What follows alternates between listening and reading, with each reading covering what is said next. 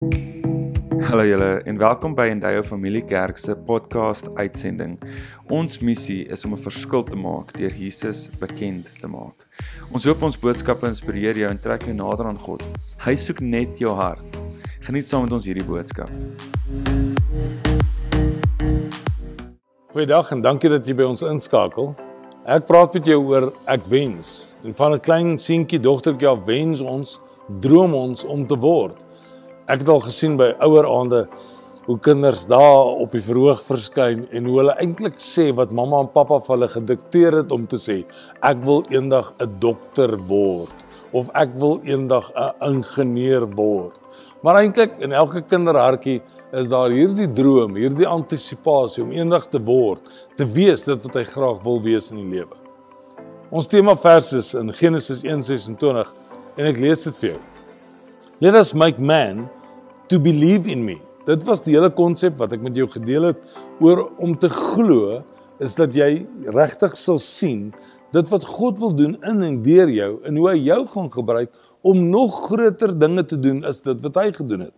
Dan gaan die vers verder en sê and in our image to belong to me. Dis waaroor ons laas keer gekuier het en dis om te behoort, om te kan sê ek is deel van die familie van God, ek is deel van God.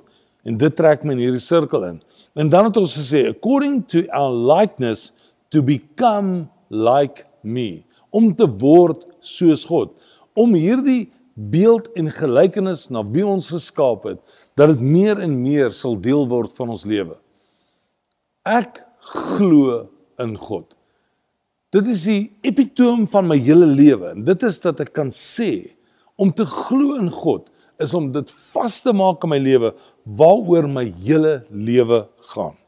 Maar ons moet snap, ons moet verstaan dat dit wat hy gesê het was nie dat ons human doings is nie. Ons is human beings. We are created in his likeness. In Handelinge sê dit so mooi as hy as hy sê uh in him we live and in him we move and in him we have our being. Not doing, being. En ek nooi jou dat jy saam my vandag net dit sal ontdek en sal beleef om te kan sê ek wil regtig word dit wat God wil hê ek moet word. Ek lees vir jou uit Johannes 1:12, een van die mooiste verse uit die Nuwe Lewende Vertaling. Connect saam met my en kyk hoe mooi verduidelik hierdie skrif dit. Hy sê aan almal wat hom egter aanvaar het Die ou vertaling praat van aangeneem het, hom aanvaar het, die wat in sy naam glo, het hy die reg gegee om kinders van God te word. Die Engels praat van we became because of believing. Ons het kom word omdat ons glo. En dis die plek waarna toe ons gaan om te sê ek wil regtig myself in God kom ontdek om te kan word dit wat God wil hê ek moet word. Markus 1:17 sê Jesus het na hulle geroep: "Kom, word my disippels en ek sal julle vissers van mense maak." Die engel sê: "Follow me and I will make you to become." Ek sal sien dat jy word, dat jy word dit wat ek oor jou gedroom het as jy 'n teer van jou lewe. Nou ons het 'n ou natuur en en hierdie ou natuur is iets wat ons verwerp. We reject it because of the filthiness, of the bad, of the of the stuff that we don't even want to think of or remember. Dis daai plek wat die ou natuur afgelê is en jy regtig kan opstaan in 'n nuwe plek, in 'n nuwe natuur en jy kan sê ek is aanvaar. I have been accepted. Ek het Jesus aanvaar. Ek het hom aangeneem as my saligmaker en dit ge, maak die geleentheid vir jou los dat jy kan word dit wat God wil hê jy moet word. Ons is van kinders af is ons 'n selfgesentreerde wese. As 'n babatjie lê in 'n kot dan kan 'n mamma en pappa of oupa en 'n ouma nie anderste as om daardie kind vinnig 'n titi bottel te gee of as hy of sy huil dan wil ons hulle optel en net vashou want is reg, dis hoe dit moet wees. Want die stadium waarin daardie kind hom bevind is om afhanklik te wees. Maar dan word daai kind groot en hy word genoem 'n tiener. En dit jy al 'n tiener hoor sê wat wat vir jou woorde sê soos I know what I'm doing. Of los my, ek weet wat is die antwoord. Of ek het jou hulp nie nodig nie. Nee, dankie, ek weet wat om te doen. Dit is daai onafhanklike stadium waarin 'n kind homself bevind in En dan moet jy baie keer as 'n pa en ma so diep asemhaal en vir jouself sê, "Sjoe, uh dis eintlik nie die regte antwoord nie, maar ons ons ons, ons is bereid om te wag, want daar's 'n plek wat aanbreek wat jy interafhanklik raak, nie net teenoor die mense rondom jou nie, maar jy ook agterkom, ek het nie hulle nodig nie, maar hulle het my ook nodig." En dis die wonderlikheid van om te dek hoe daar groeifases is in elke mens se lewens maar selfgesentreerdheid het rondom ons kom hang. Ek wil jou twee vrae vra en ek wil jou vra om regtig antwoord te wees en uh, uh, eerlik te wees met jou antwoord. En uh, as jy hierdie antwoord gee, dalk in jou huiskerk vandag of dalk voor 'n paar familielede, ehm um, pos dalk gou die uitsending en wees met mekaar eerlik en antwoord die, op die volgende vraag: Wat is jou opinie? Die mens is van nature 'n selfgedrewe en 'n selfsugtige wese. Is dit waar? of vals? Die volgende vraag wat ek jou wil vra is: Jy is 'n mens, waar of vals? okay, ek probeer eintlik maar net vir jou sê, ons het almal hierdie stuk natuur in ons waarmee ons elke dag veg. Wat Paulus van praat en hy sê, dis vlees teen gees. En ons probeer om om hierdie vlees te onderdruk met die gees, met dit wat word, meer na die beeld en die gelykenis van God, om dit te laat uitkom in my lewe. Dis eintlik 'n vreeslike lelike storie. So half 'n skande wat uitbreek in die woord as ons lees in Mar in Markus 9. Die disippels het oorgebly in huis. En Jesus kom agter, daar's 'n bietjie van 'n spanning tussen hierdie manne. En Jesus vra vir hulle Waaroor het julle op die pad geredeneer? Hulle bly toe stil. Want hulle het mekaar langs die pad aangevat oor wie van hulle die belangrikste is. So kom ek sê net gou vir jou, they were in an argumentative communication situation waar hulle bietjie koppe gestamp het, met mekaar geredeneer het en vir mekaar gevra het en gesê het, daarop aandring aandring gemaak het en gesê het, ek is die belangrikste in in hierdie sirkel van vriendskap met Jesus. En Jesus kyk dan hierdie manne. Ek dink dit was eintlik regtig 'n oomblik wat hulle elkeen ontdek het, hulle het nog soveel om te word. Jesus sê, as jy die vernaamste wil wees, moet jy agter almal inval en almal se dienaar wees. Dis sekerlik makliker gesê as gedaan. Maar as ons besef dat Jesus sy disippels hier betrap op 'n plek waar dit gaan oor my en waar die eie mens, die eie ekkigheid na vore kom, dan kom ons agter Jesus trap hierdie ding vas en hy sorteer hulle uit en hy verduidelik vir hulle sommer onmiddellik As jy wil eerste wees, moet jy eintlik laaste wees. As jy wil gedien word, moet jy bereid wees om eers te dien. Ek sê altyd you can never be served if you didn't learn what it means to serve. Jesus sê as jy groot wil wees in my koninkryk, moet jy eers 'n dienskneg word. Ek dink God het 'n plan gehad om elkeen van ons nederig te maak.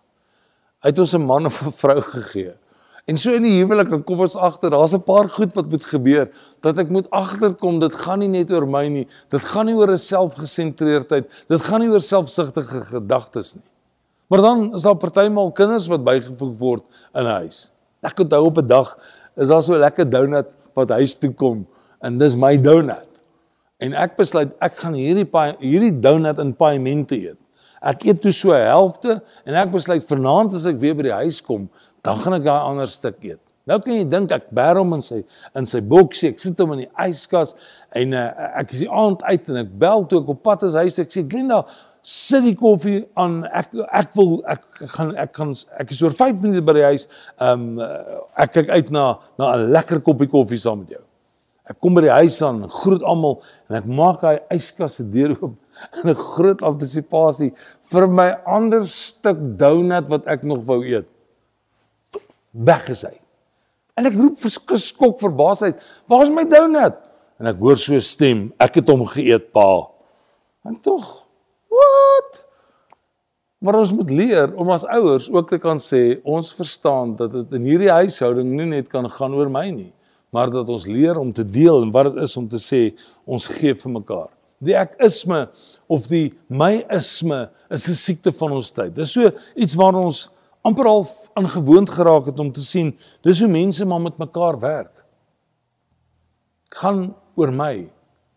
Om my tyd wat vir my belangrik is.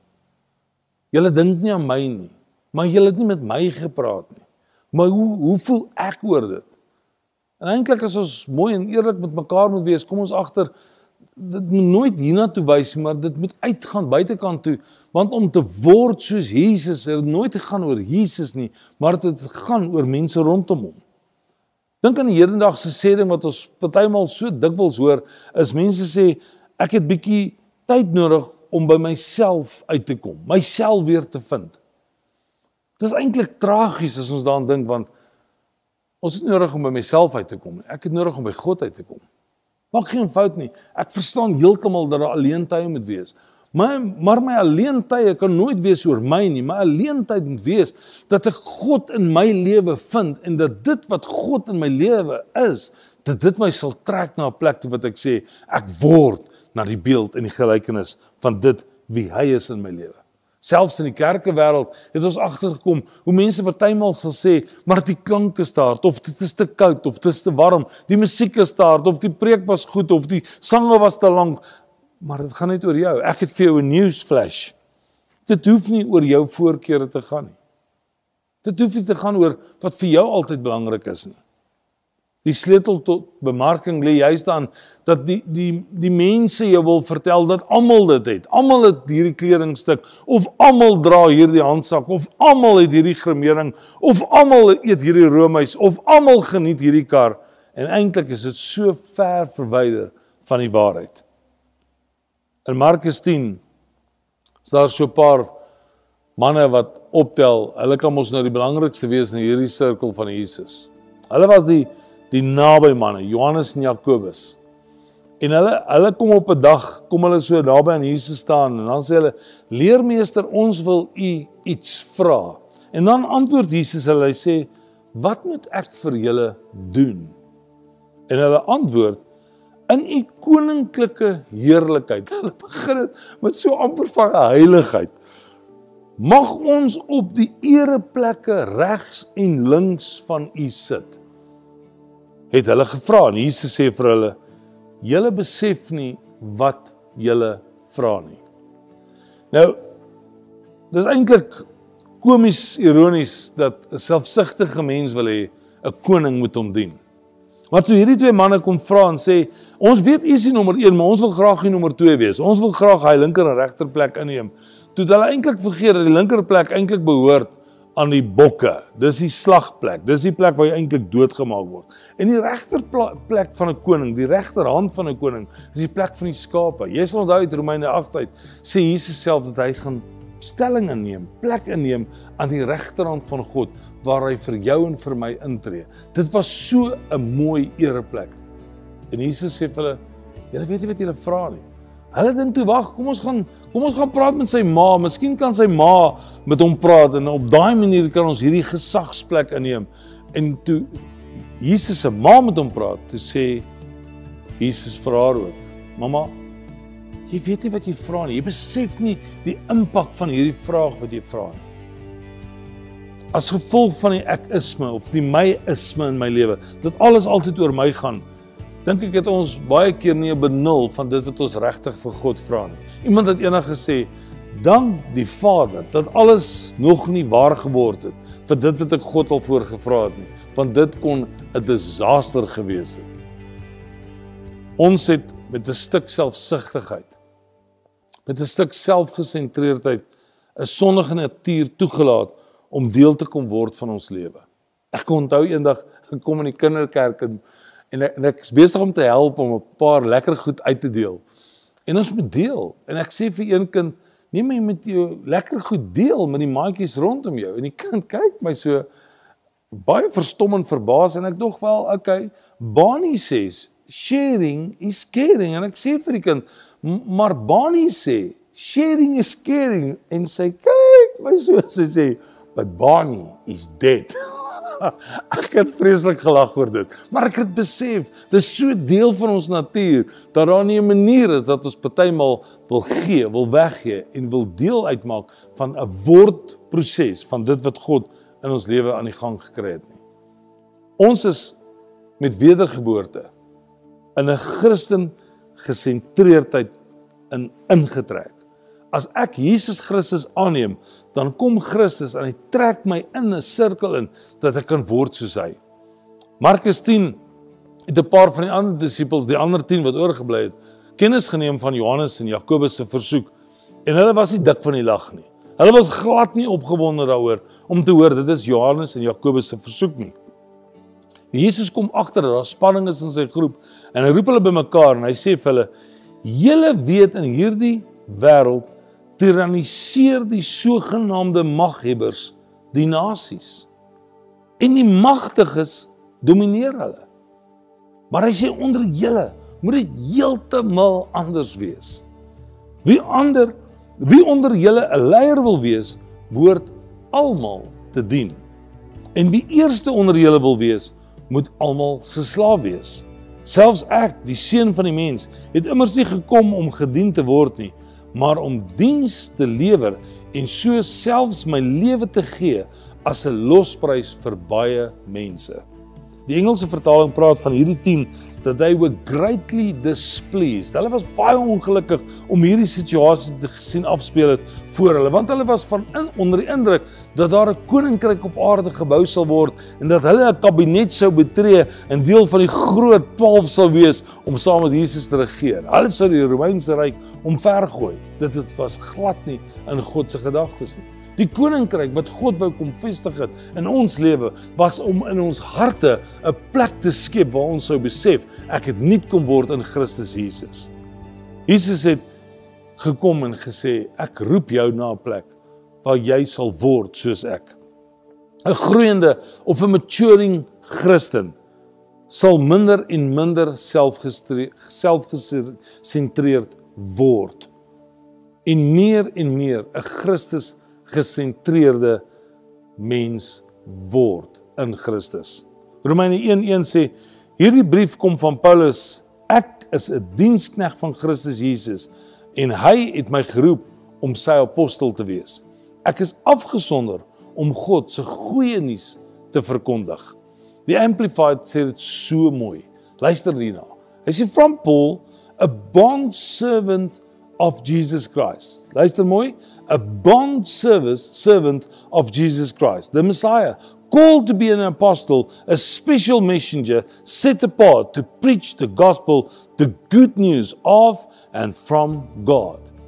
In the in the TP translation said it loving and loyal servant. Nou daai woord servant is is doulos in die Griekse taal. En dit beteken to serve a master out of love, bound with cords so strong that it could only be severed by death. Kan net gesny word deur die dood. Weet jy, as jy hierna luister, as jy dit besef, dan kom jy agter dit wat ek as dienskneg vir God moet doen. Maak dat daar so 'n loving and a loyal plek in my hart moet wees oor dit wat God in my lewe kom doen het. Hy het sy lewe vir my gegee. Ek kom na hom toe terug en sê, Vader, ek gaan U my lewe gee. Paulus sê ek het gekies om 'n slaaf te bly. Ek is geroep deur God om 'n apostel te wees, maar ek het gekies ongeag om 'n slaaf te wees. Jesus kom en hy sê ek het jou geroep om 'n slaaf in jou hart te bly, om een te wees wat ander sal dien. Ongeag van jou amp of jou posisie, maar dat jy sal sê ek wil wees 'n dienskneg vir wat God van my vra of jy nou 'n pastoor of 'n ouderling of 'n diaken of 'n kinderkerkpersoneel het of deel van die worship of die verwelkomingsspan is, eintlik roep God ons elkeen na daardie plek wat ons sê ek wil dien. Eendag het iemand 'n boks van rope uit my hande uitgevat en gesê: "Nee, jy's die presiderende pastoor, jy kan nie 'n boks dra nie."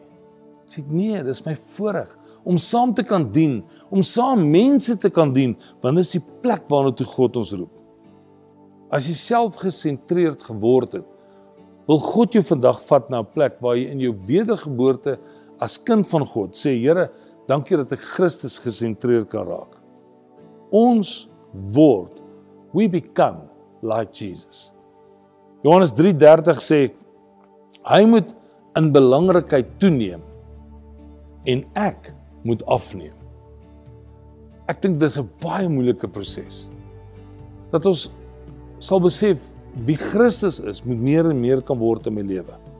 Hy word groter en ek word minder. Ek word kleiner. Nou God of Jesus of die Heilige Gees kan nie groter en groter word nie. Hy is wie hy is, maar dit is wanneer ek kleiner word en hy meer word, hy groter word in my lewe, wat ek agterkom wat dit beteken dat God in elke area van my lewe regtig die eerste plek kom inneem het. Johannes 13:12 sê nadat Jesus hulle voete klaar gewas het, het hy sy boklere aangetrek en weer aangelê by die ete.